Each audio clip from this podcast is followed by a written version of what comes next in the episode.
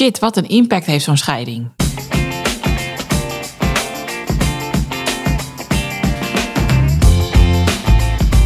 Hey, fijn dat je luistert naar de Scheidpodcast. Ik ben Carly Timmerman van Bureau Carbon, host voor gezinsvriendelijk scheiden. En ik ben Anneke de Groot, bedenker van gezinsvriendelijk scheiden en de grote vriendelijke bemoeial voor alle gezinnen. We nemen je mee in de wereld van fabels, feiten, statements en informatie als het gaat over scheidingen of uit elkaar gaan. Welkom.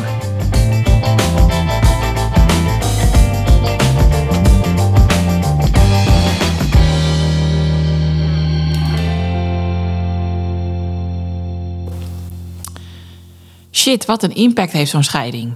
Vandaag ga ik in gesprek met mijn zus, Lieke.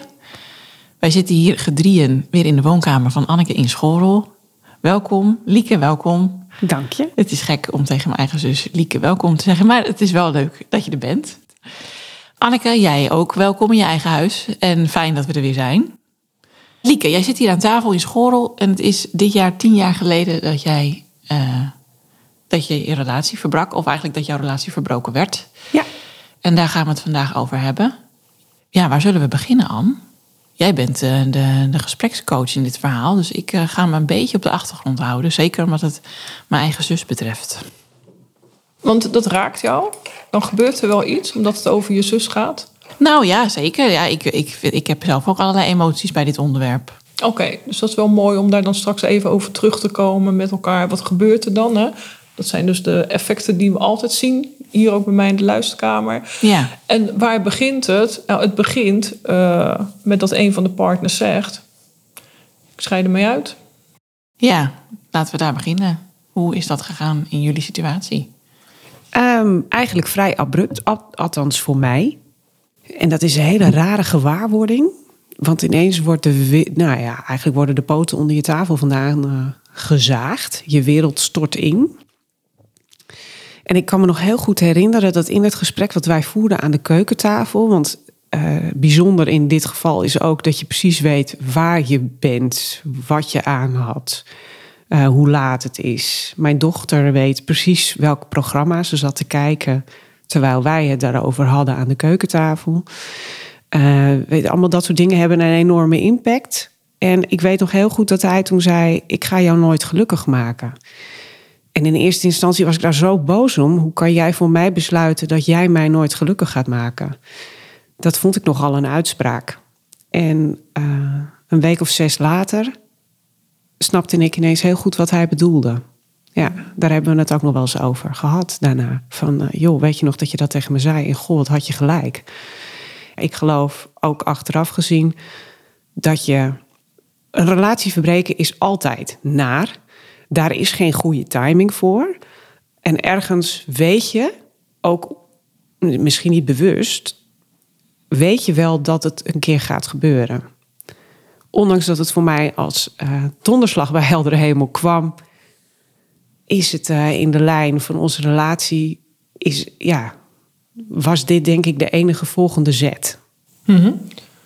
Dat is wel heel eerlijk om dat zo te benoemen. Hè? Want dat betekent dat je ook naar jezelf kijkt, zelfreflectie toepast. En dat is iets, denk ik, wat later is gekomen. Niet op dat moment. Joh, ja. schat, ik bel je, je zit op je werk, maar... Uh, uh, ondanks alle ellende, want dat, dat zijpelt er ook wel door. Hè? Want dat is ook waar jij mee begon, Carly, van de impact van zo'n scheiding. Ja. Wat gebeurt er? En we zitten nu tien jaar later en ja. jij zegt... mijn dochter weet nog welk tv-programma ze aan het kijken Daar was. hebben we het nog wel eens over, ja. Ik weet waar ik was. Ik weet zelfs wat ik aan had. Je weet hoe laat het is. Uh, je weet gewoon dat je hebt gefietst van je werk naar huis... met die onheilstijding ja. in gedachten. Ja. En die als een mokerslag over je heen ja. is gekomen. En met die zware last fiets je eigenlijk naar huis. En je toekomst moet je in gesprek. Ja, en je weet niet wat die toekomst is. En dat die toekomst is, is weg raar. op dat moment. Ja, het voelt echt als een soort ander leven. Achteraf gezien denk ik, wow, dat is mijn leven 1.0. En ik leef nu mijn leven 2.0. Ja. Uh, er is ontzettend veel moois uitgekomen uit mijn leven 1.0. Mm -hmm. Maar het is heel goed dat het dat het is gegaan zoals het is gegaan. En dat kon ik best vrij vlot al.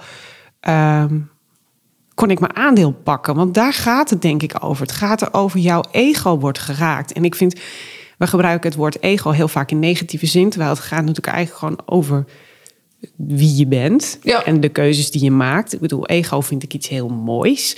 Absoluut. Alleen er zit ook een nare kant aan een ego. En dat is dat jij jezelf belangrijker acht dan de ander. En ik denk dat vooral in het geval van een scheiding waar kinderen mee gemoeid gaan, is het echt zaak om je eigen ego bij elkaar te pakken en daar een ander niet meer lastig te vallen. Want dan wordt het geen gezelligheid, zeg maar.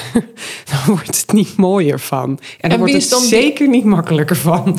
Oké, en wie is dan die ander voor jouw gevoel? Zowel mijn partner als eh, mijn, mijn dochter vooral. Mhm.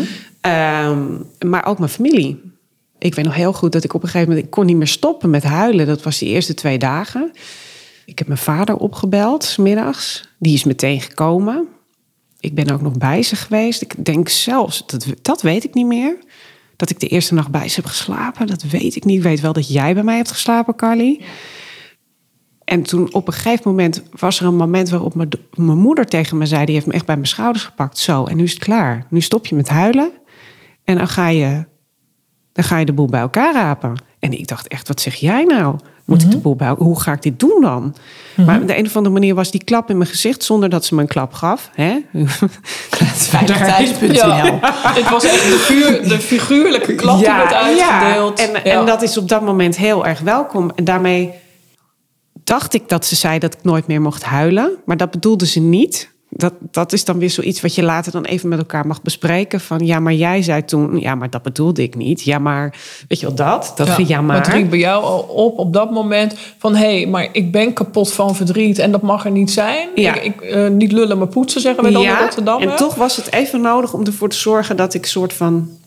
Boink, oké, snap out of it. Mhm. Raap je zootje bij elkaar. Zet je ego even in de koelkast.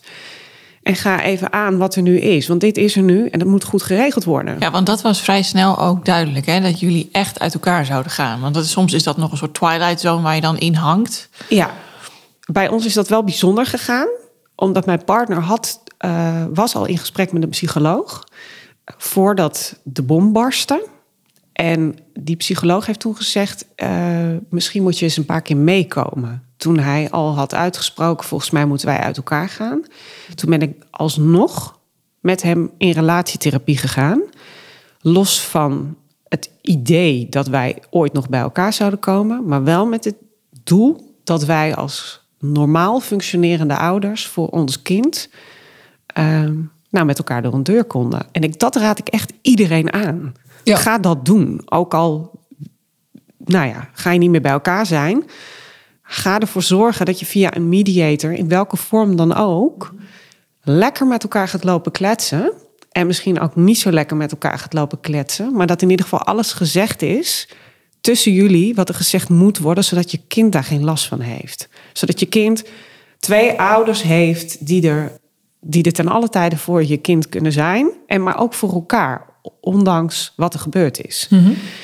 Want ik kan oprecht zeggen dat, dat ik dat nu heb. En uh, ja, dat, dat was het doel. Het doel was om ooit, zo gingen we daar ook zitten, van nou, wat, wat willen jullie dan nu nog? Omdat jullie niet meer met elkaar verder gaan. Dat hadden we, wisten we echt na drie, vier weken, wisten we dat. Hebben we dat ook naar elkaar uitgesproken. Dat was in ieder geval dus heel duidelijk. Dat was heel duidelijk. Ja, terwijl ik dat eigenlijk uh, vanaf dag één niet had verwacht. Vanaf het moment dat hij dat uitsprak, dacht ik echt, nou, wat ga je doen dan? Dit meen je niet. Kan niet. Het kan niet waar zijn.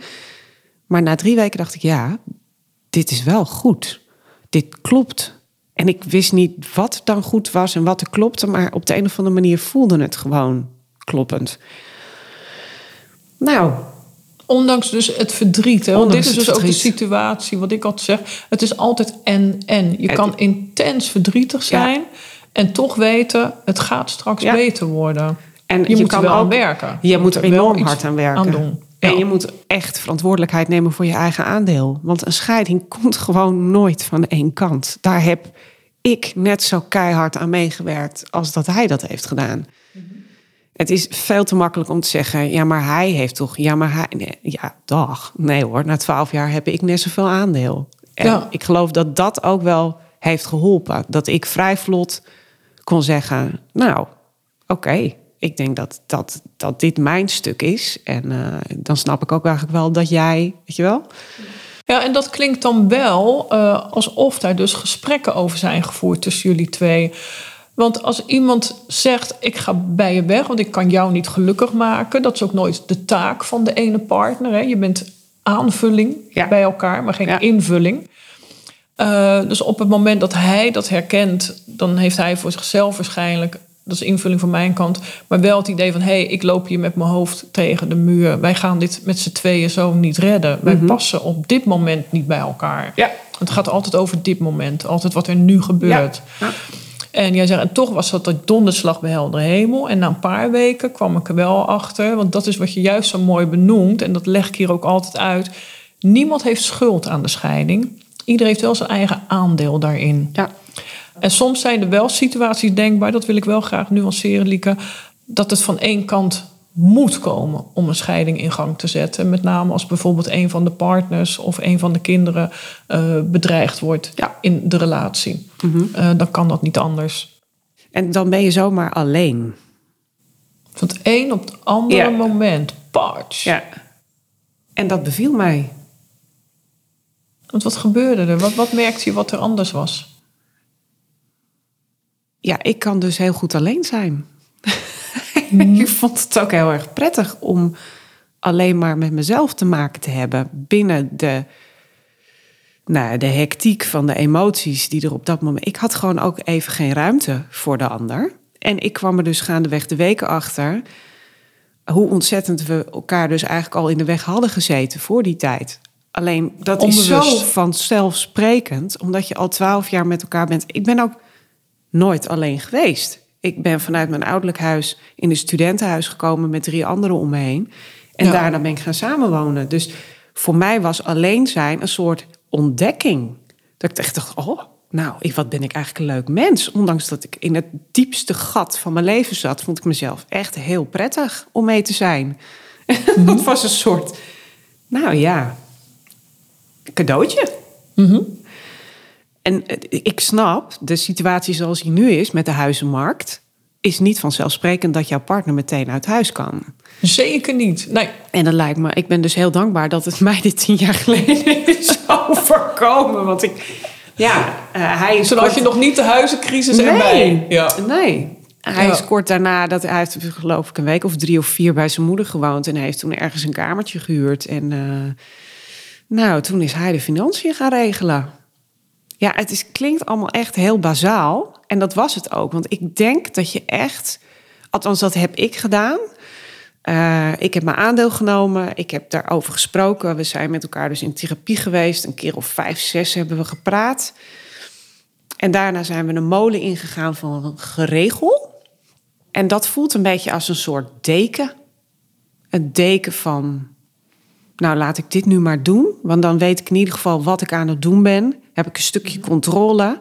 Kan je die emoties ook weer een beetje verstoppen.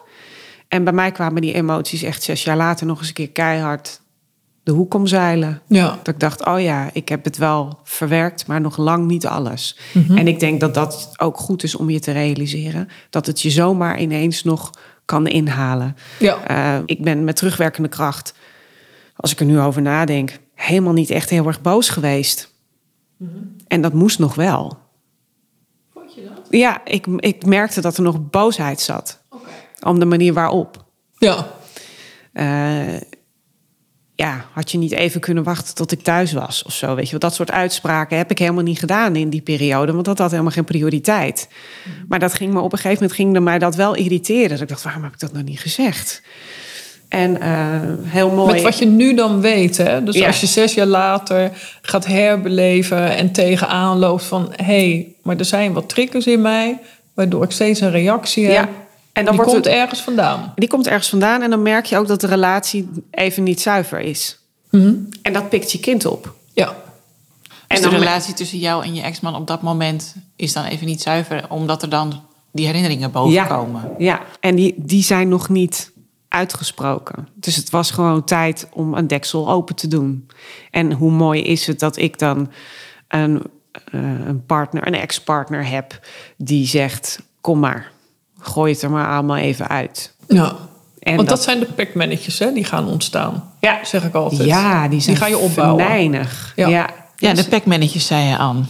Ja. die, die sluipen er altijd in. En wat ook zo heel mooi is, want jij zei er net ook, Lieke, eh, je krijgt een soort deken over je heen. Ja. En dat is op dat moment even een soort schijnveiligheid zoeken. Eh, ik wil even terug en ik wil nu praktisch bezig zijn. Ja. Want die emoties zijn zo gigantisch groot. Dat kunnen heel veel mensen zich niet eens voorstellen. Nee. En je komt in een soort overlevingsstand terecht. En dan ga je de overlevingsstrategie ontwikkelen. Dat is dan weer iets anders, want de stand kan je altijd aan en uitzetten. Eh, maar de strategie kan dat niet. Ja, En mijn- daar komen de packmanagers Ja. vandaan. ja.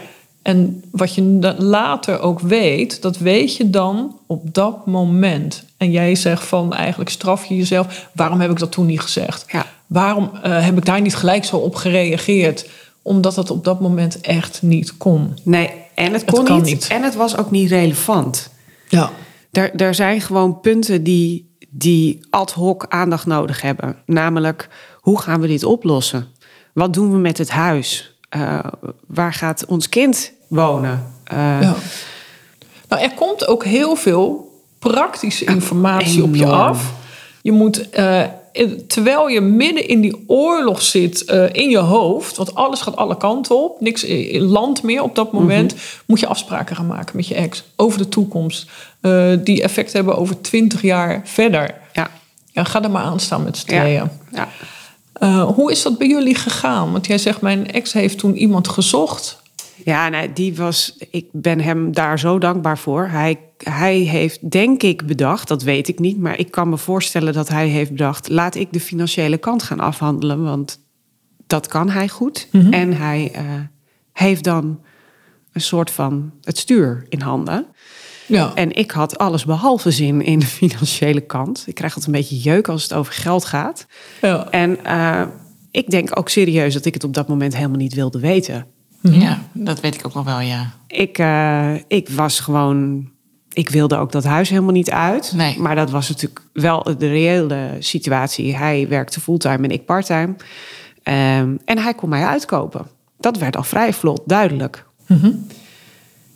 Dus eh, ik heb de eerste acht maanden in het huis gewoond met mijn dochter. En hij woonde op een kamertje en onze dochter ging daar dan in het weekend eh, een dagje heen. Of door de week nog eens een dagje. En, eh, Jullie dochter was toen vier. vier, ja. Ja. En nou, dat, dat was wel prettig voor mij.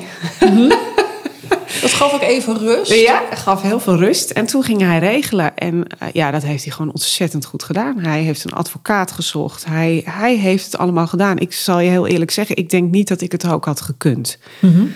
Want ik stond in overleving.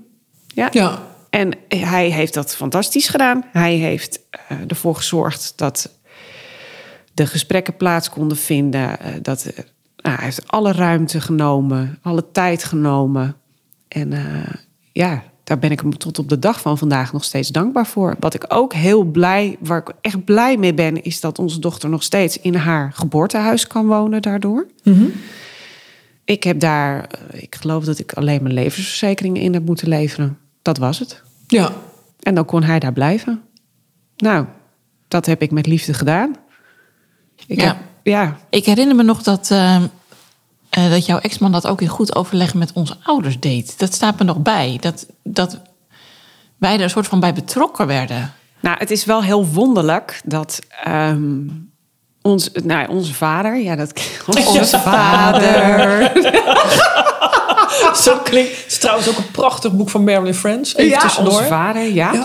Nou ja, onze vader die, die eh, heeft eigenlijk wel gewoon ook gesprekken gevoerd.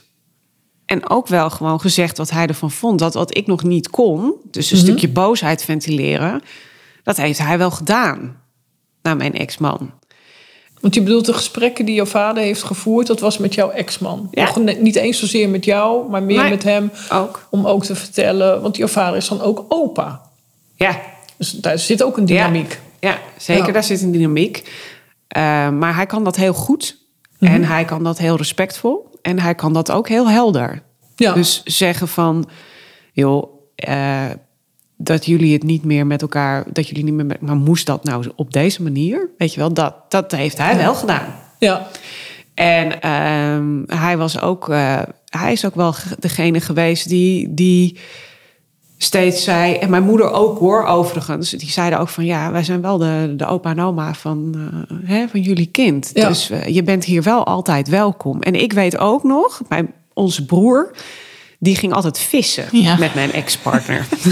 Oké. Eh, Dat is één ding dat ik niet zou willen missen. Nou, ik kan dit hecht heel erg missen, maar zij dus niet. Zij konden echt weekenden met elkaar vissen. En eh, ja, hij, mijn ex-man was er dan best wel trots op. En dan zei hij, ja, ik ga weer vissen met je broer. En ik zat echt in de kreukels op de bank. En ik dacht echt, dit, dit wil ik helemaal niet. Dit wil ik ook niet. Je komt aan mijn familie, hands off. Ja. En dat, dat zei ik niet. Maar dan zei ik wel tegen mijn broer... ik vind het prima dat jij dit doet, maar ik wil het niet weten. Ja. Dat komt wel weer, dat ik het weer wil weten. Dus dat is, dat is ook iets... Ik vond dat lastig. Dat is echt ego, dat je dat lastig vindt. dat is echt een ego-stukje. Het is ook de verschuiving plaatsvindt. En, En die nog heeft tijd nodig. Dat heeft Ja. zeker tijd nodig. Wat ik echt nog steeds wonderlijk vind, is dat mijn ex-man nog best wel eens app-contact heeft met ons gezin. Ja. Ik heb dat op mijn beurt met zijn moeder en zijn broer helemaal niet. Nee. Nee.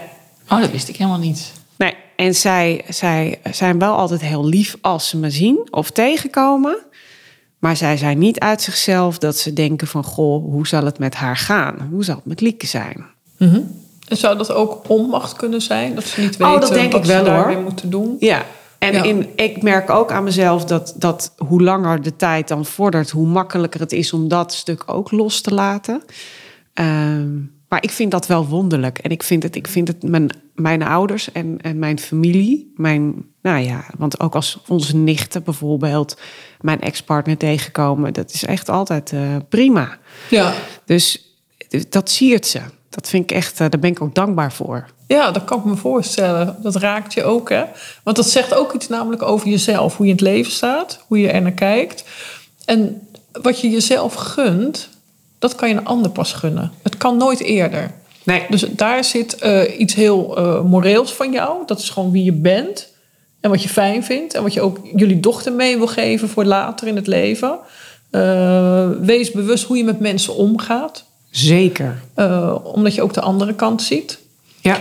En wat jij net zei, en ik denk dat dat wel een hele belangrijke ook is om te benoemen. Op het moment dat een partner bij jou weggaat, heb jij tijd nodig om dat afscheid te nemen. Dat, Ja. dat is er niet van de een op de andere dag. Daar, daar moet je aan werken. En pas als jij er betekenis aan hebt kunnen geven, oké, maar nu begrijp ik dat dit echt beter was. Nu is de Lieke 2.0 tevoorschijn gekomen. Maar midden in dat proces en dan jouw broer, die van jou is, jouw Ja. bloedband, Ja, die gaat dan met die grote verschuiving vissen. Ja, jongens, wacht even. maar daar ben ik nog niet aan toe. Ja. ja, en als je je dat maar realiseert en als je dat ook maar kan uitspreken, dan Ja. wordt de situatie helder. Ja, Ja, Ja, en ook wat ik eh, heel fijn vond, eh, dat jij net zei dat jouw ex-man heeft jou de ruimte en de tijd gegeven eh, die nodig was voor jou om het proces te doorlopen. ja, En dat benadruk ik altijd. Want je ziet nu heel veel, ga maar googlen op internet. Joh, in een week of in twee maanden kan je de hele scheiding regelen. In drie maanden, jongens, is je hele nieuwe toekomst klaar. En dan denk ik van, nou, volgens mij een huwelijk plannen doen mensen ook echt niet in twee, drie maanden. Eh, en een kind krijgen doe je ook niet in twee, drie maanden. Het is nogal wat waar Ja. jullie met elkaar uit moeten zien te Ja. komen om weer die toekomst in te kunnen gaan met elkaar. ja, en je raakt er ook nooit helemaal uit, want je bent aan elkaar verbonden. Ja. Altijd. Omdat je ouder bent Juist. van jullie Ja. dochter. Ja. Ja. Nou, hoe mooi is het dan dat je dan drie jaar geleden wordt opgebeld? Onze dochter zat toen in groep 8 en die ging de laatste weken in van haar basisschoolcarrière. en toen belde hij eh, mij op en hij zegt: eh, Zullen we met z'n drieën uit eten om dat te vieren? En dat ik dan Oh. oprecht kan zeggen: Nou, dat vind ik echt zo leuk. ja. En ja, ik merk het steeds vaker. Er wordt eigenlijk energetisch gezien moet je zeven jaar afscheid nemen van iemand. Zit iemand echt letterlijk in jouw systeem. En als je dat weet, dan, dan merk ik merkte dat dat echt zo was. Na zeven jaar dacht ik ineens, oh, het gaat echt makkelijker. Het, wordt, het, wordt, het contact wordt anders. Ehm, we hadden altijd al goed contact, maar het werd eigenlijk... Er kwam wat meer afstand, waardoor er ander soort verdieping kon plaatsvinden. En het kon opeens ook weer over onszelf gaan. In die zeven jaar, in de tussen, tussenliggende zeven jaar, ging het vooral over ons kind. Praktische dingen, minder praktische dingen. En nu kan het ook echt oprecht over onszelf gaan. Zonder dat dan de haken tevoorschijn komen Juist. die vastzitten aan de liefdespartnerrelatie. Juist. Dat die is- zijn er af. Die, Die zijn, zijn er af. echt weg. En dat heeft Dat komt niet echt meer terug. tijd nodig. Ja. En eh, nu merk ik dat ik het, nou ja, afgelopen weekend, hij heeft mijn laptop gemaakt.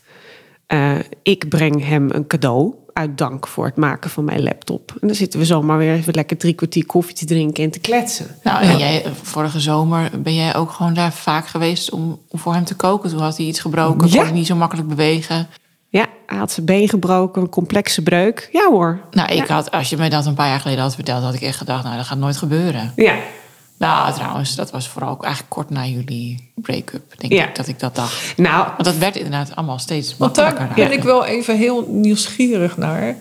Eh, ik ben altijd nieuwsgierig natuurlijk, dat weet ik ook wel. Maar goed, dat is mijn vak nu eenmaal. Eh, hoe is dat gegaan tussen jullie? Want hoe heb jij dat ervaren, Carly? Dat jouw zus eh, komt naar je toe en die zegt... Ja. Hij gaat weg. Ja, dat, ik weet, ik was toen aan het werk bij een tijdelijke functie. Ik zat ergens in Alkmaar op een kantoor. En toen belde jij. En toen belde jij. En toen dacht ik, oh, dit, kan, dit kan toch niet waar zijn? Ik was volgens mij ook echt verbijsterd. Dat ik dacht, hè, wat gebeurt er nu toch? En toen, ik weet niet meer precies op welk moment... maar ik denk diezelfde avond nog ben ik naar je toe gegaan... om Oh, nu schiet ik vol. Even opschrijven wat eruit moet. Nee, dat hoeft helemaal niet uit. Want dit is juist waar het over zou moeten gaan in Nederland. Dat iedereen maar vindt dat het liefst al na een paar weken... dat je het er niet meer over hebt. Ja. Dat het moet stoppen. en dat kan niet. En dat is echt wat niet kan. Wij zitten nu alle drie gewoon even met natte ogen. En bij jullie ja, rollen de tranen werkelijk even over jullie wangen. Ehm, en dat is juist waar eh, het taboe af moet. En mensen vragen mij dan altijd van... ja, maar hoe kan dat dan? Nou, hoe kan dat? Dat is heel simpel. Als mens kunnen wij niet de hele dag bezig zijn... met verdriet van anderen. Nee. En er komt zoveel narigheid en verdriet de hele dag op ons af. eh, dat we ook snel de neiging hebben om dan te zeggen: joh, maar het komt wel goed. Hè? Kom, we gaan wat leuks doen. Eh, net zoals dat je nu de reclame hebt van Sieren. Praat er niet overheen. Dan hebben we Ja. het over de dood. Maar ook dit is een rouwproces. Praat erover met elkaar. En je mag wel, wat jouw moeder deed op een gegeven moment, hè, Lieke, van even beetpakken. Oké, en nu is het even klaar.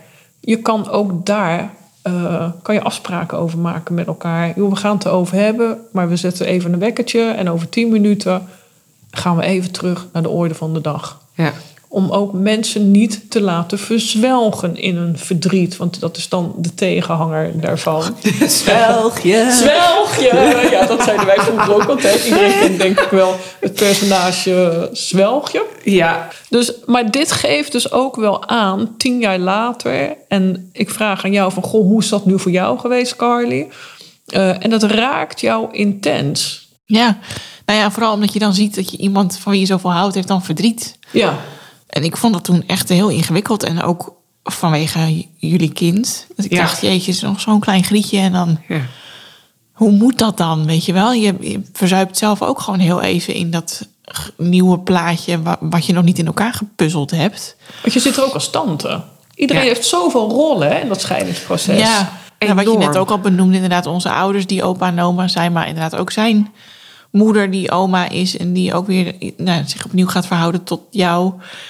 Dus het is inderdaad heel. eh, er gebeurt inderdaad heel veel. Er verschuift Ja. ook heel veel tegelijk. En ik vond dat een hele ja, moeilijke avond. Ook, ik was, hoe oud was ik? Tien jaar geleden. Ja, 23. Nou, toen had ik nog niet zoveel levenservaring als ik nu heb. Want nu ben ik natuurlijk echt ontzettend ervaren in het leven. Ja, ja, jij bent de wijsheid zelf. Dat, dat, dat, dat hoor je gewoon. Echt waar. Ja. Ik zie het, maar de luisteraars horen dat. Ja.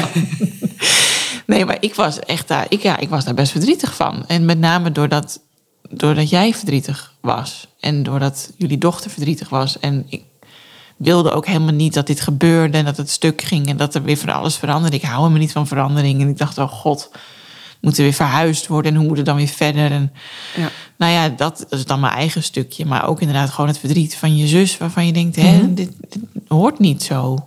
Je wil dat niet voor iemand. Ja, want buiten dat het de toekomst van Lieke raakt, raakt het ook de toekomst van opa's, oma's, ooms, tantes, broers, zussen. Ja, Want die hebben straks ook maar te dealen eh, met een andere omgeving waar dan diegene in gaat wonen. Eh, de rol die zij hebben binnen dat gezin, want iedereen heeft een rol binnen een gezin, of dat wel of niet je eigen gezin is, maar die rol is er. Eh, en dat is echt een, ik noem het altijd het, het kringverdriet.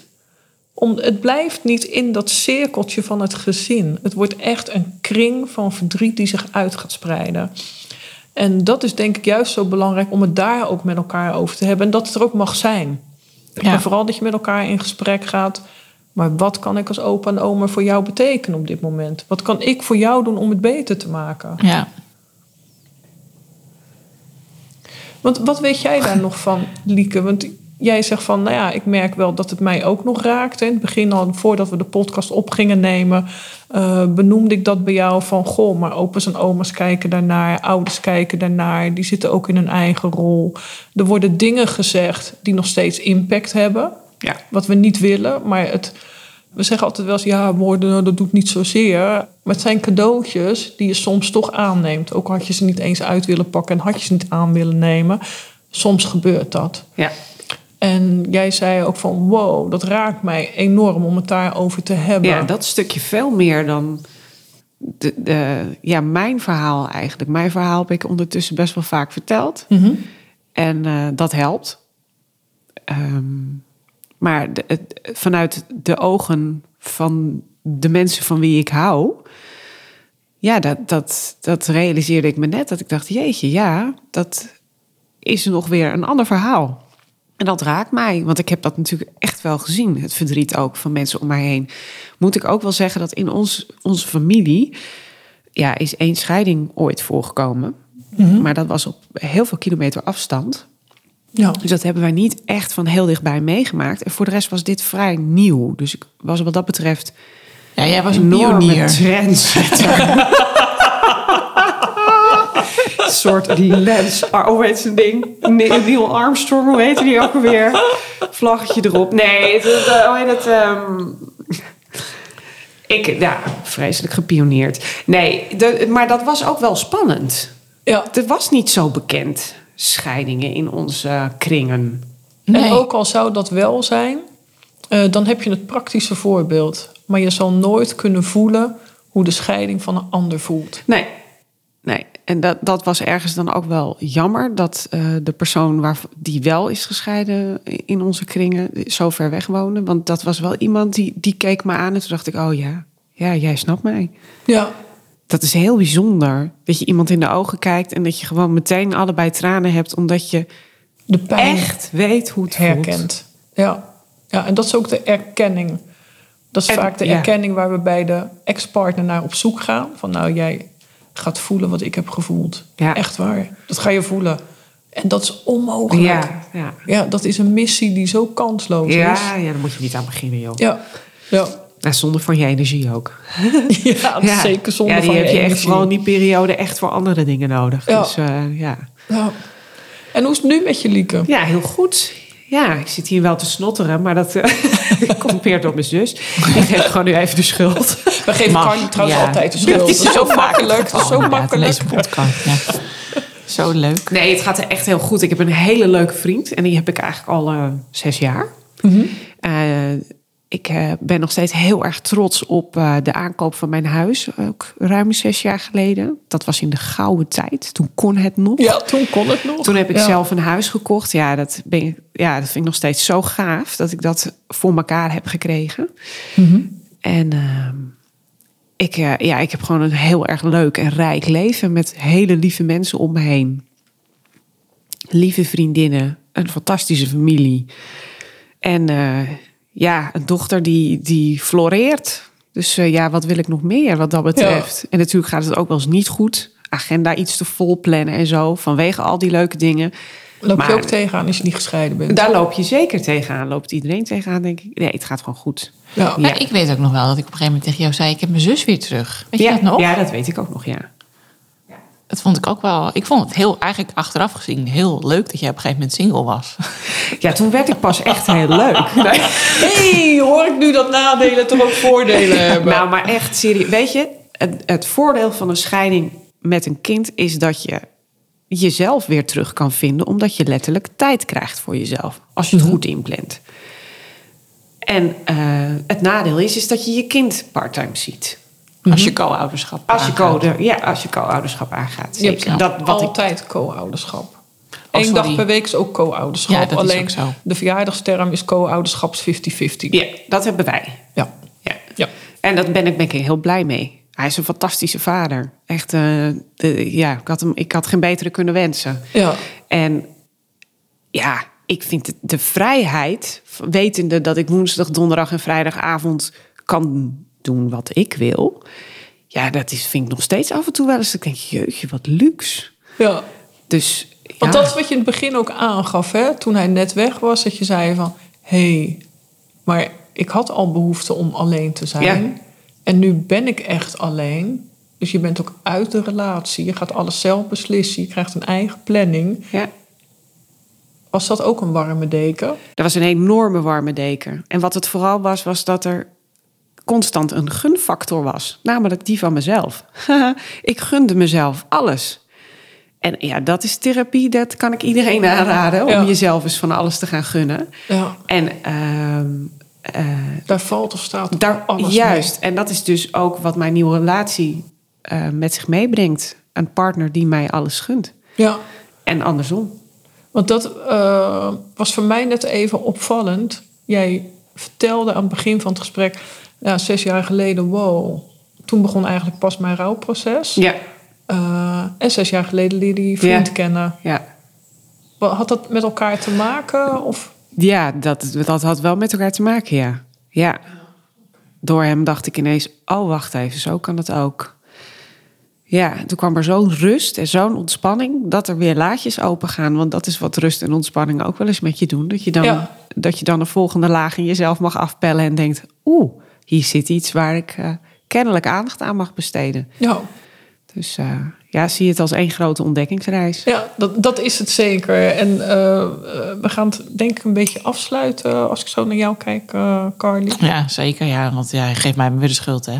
Ja, natuurlijk geef ik jou de schuld. Maar ik zou één hele, eh, of nou ja, belangrijke vraag. Ik wil graag nog één vraag stellen aan jou, Lieke. Ja, is goed. Eh, jij zei het is zo belangrijk om met elkaar in gesprek te gaan. En Ja. om het erover te hebben. Misschien wel, wat is er gebeurd? Wat is jouw aandeel? Wat is mijn aandeel? Eh, en hoe gaan wij verder met elkaar? Jij zei relatietherapie is daarin heel erg belangrijk. Eh, ik doe altijd coachingsgesprekken hier met Ja. de mensen, los van het hele scheidingsproces. En dan ga ik, eh, ik noem het dan relatieonderzoek, omdat therapie, dat roept bij mij altijd kriebels op. Waarom weet ik niet, maar dat is nou eenmaal zo. Ik krijg vlekken van in mijn nek. Ehm, wat was voor jou daarin zo belangrijk? Hoe zag dat eruit? Wat bedoel je precies? De relatietherapie, wat jullie hebben gedaan met elkaar. Wat ik heel prettig vind in zo'n setting, is dat je alles kan zeggen. Omdat er iemand is die dat enigszins genuanceerd kan begeleiden. Geen Eh, oordeel. Juist. En ook kan zeggen van, goh, ze zegt het zo, begrijp je de boodschap? Het is alsof, alsof er een soort verhelderingsinstrument tussen gezet wordt. Die zegt, ze bedoelt eigenlijk dit. Ze zegt het niet zo fraai of hij zegt het niet zo fraai, maar... En ehm, ja, dat heeft mij geholpen. Ja. Dat, dat je wel eh, gewoon dingen op tafel kan kwakken...